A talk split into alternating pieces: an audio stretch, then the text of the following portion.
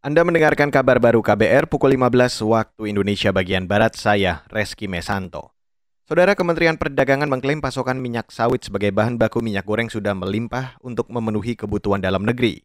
Menteri Perdagangan Muhammad Lutfi mengatakan sejak 27 Februari pemerintah memperlakukan aturan kewajiban penyediaan CPO untuk dalam negeri atau DMO CPO bagi eksportir. Selama 24 hari kebijakan itu berjalan, kata Lutfi, pasokan CPO dalam negeri mencapai 570 ribu ton. Kalau rakyat Indonesia jumlahnya 270 juta, kasarnya Bapak dan Ibu, hari ini kita dalam 24 hari terakhir dapat satu orang 2 liter daripada minyak. Di market barangnya tidak ada. Dan ketika kita harus turun ke bawah melihat sistem distribusi kita karena hilangnya ini ada di sistem distribusi. Ini bukan pekerjaan yang mudah mudah.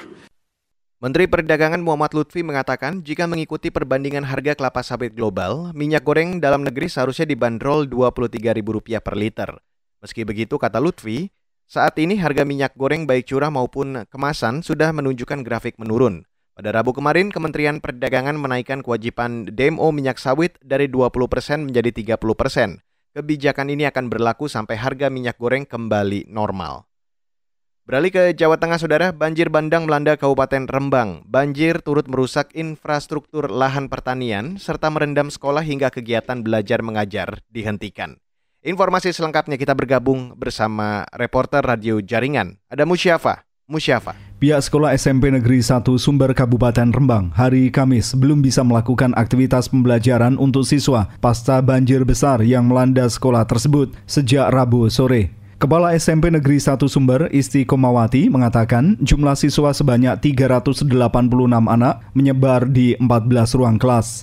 Menurutnya, aktivitas belajar mengajar belum memungkinkan karena seluruh ruang kelas maupun ruang-ruang lainnya terendam banjir bercampur lumpur setelah pagar depan sekolah sepanjang 30-an meter dan pagar belakang sekolah sepanjang seratusan meter ambruk.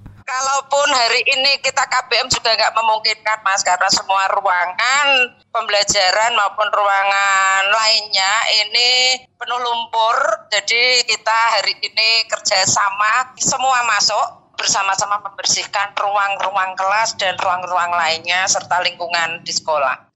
Istiqomawati, Kepala SMP Negeri 1 Sumber.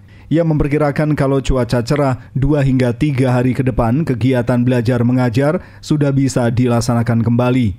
Selain berdampak pada dunia pendidikan, banjir juga merusak infrastruktur jembatan dan merendam puluhan hektar lahan persawahan.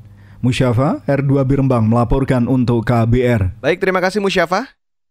Saudara, pemerintah Rusia terus menguasai pemberitaan terkait perang dengan Ukraina. Sejak sebelum dan selama invasi ke Ukraina, Rusia terus menggunakan media televisi resmi untuk mendominasi ruang siaran. Melalui media resmi, Rusia tidak henti-hentinya memberitakan kesuksesan tentara mereka dengan mengikuti sikap Presiden Vladimir Putin. Dikutip dari AFP, kondisi ini mencekik media-media independen di negara itu. Dua stasiun televisi, yaitu Suara Moskow dan Kanal Rain, terpaksa menghentikan pemberitaan. Rusia juga menutup akses terhadap media-media online atau jaringan media yang mendukung kelompok oposisi. Komisi Uni Eropa untuk Hak Asasi Manusia menyebut, saat ini tidak ada kebebasan berpendapat dan kebebasan pers di Rusia, termasuk ketika Rusia memperlakukan aturan yang melarang media menyebut serangan ke Ukraina sebagai invasi. Dan saudara, demikian kabar baru saya Reski Mesanto.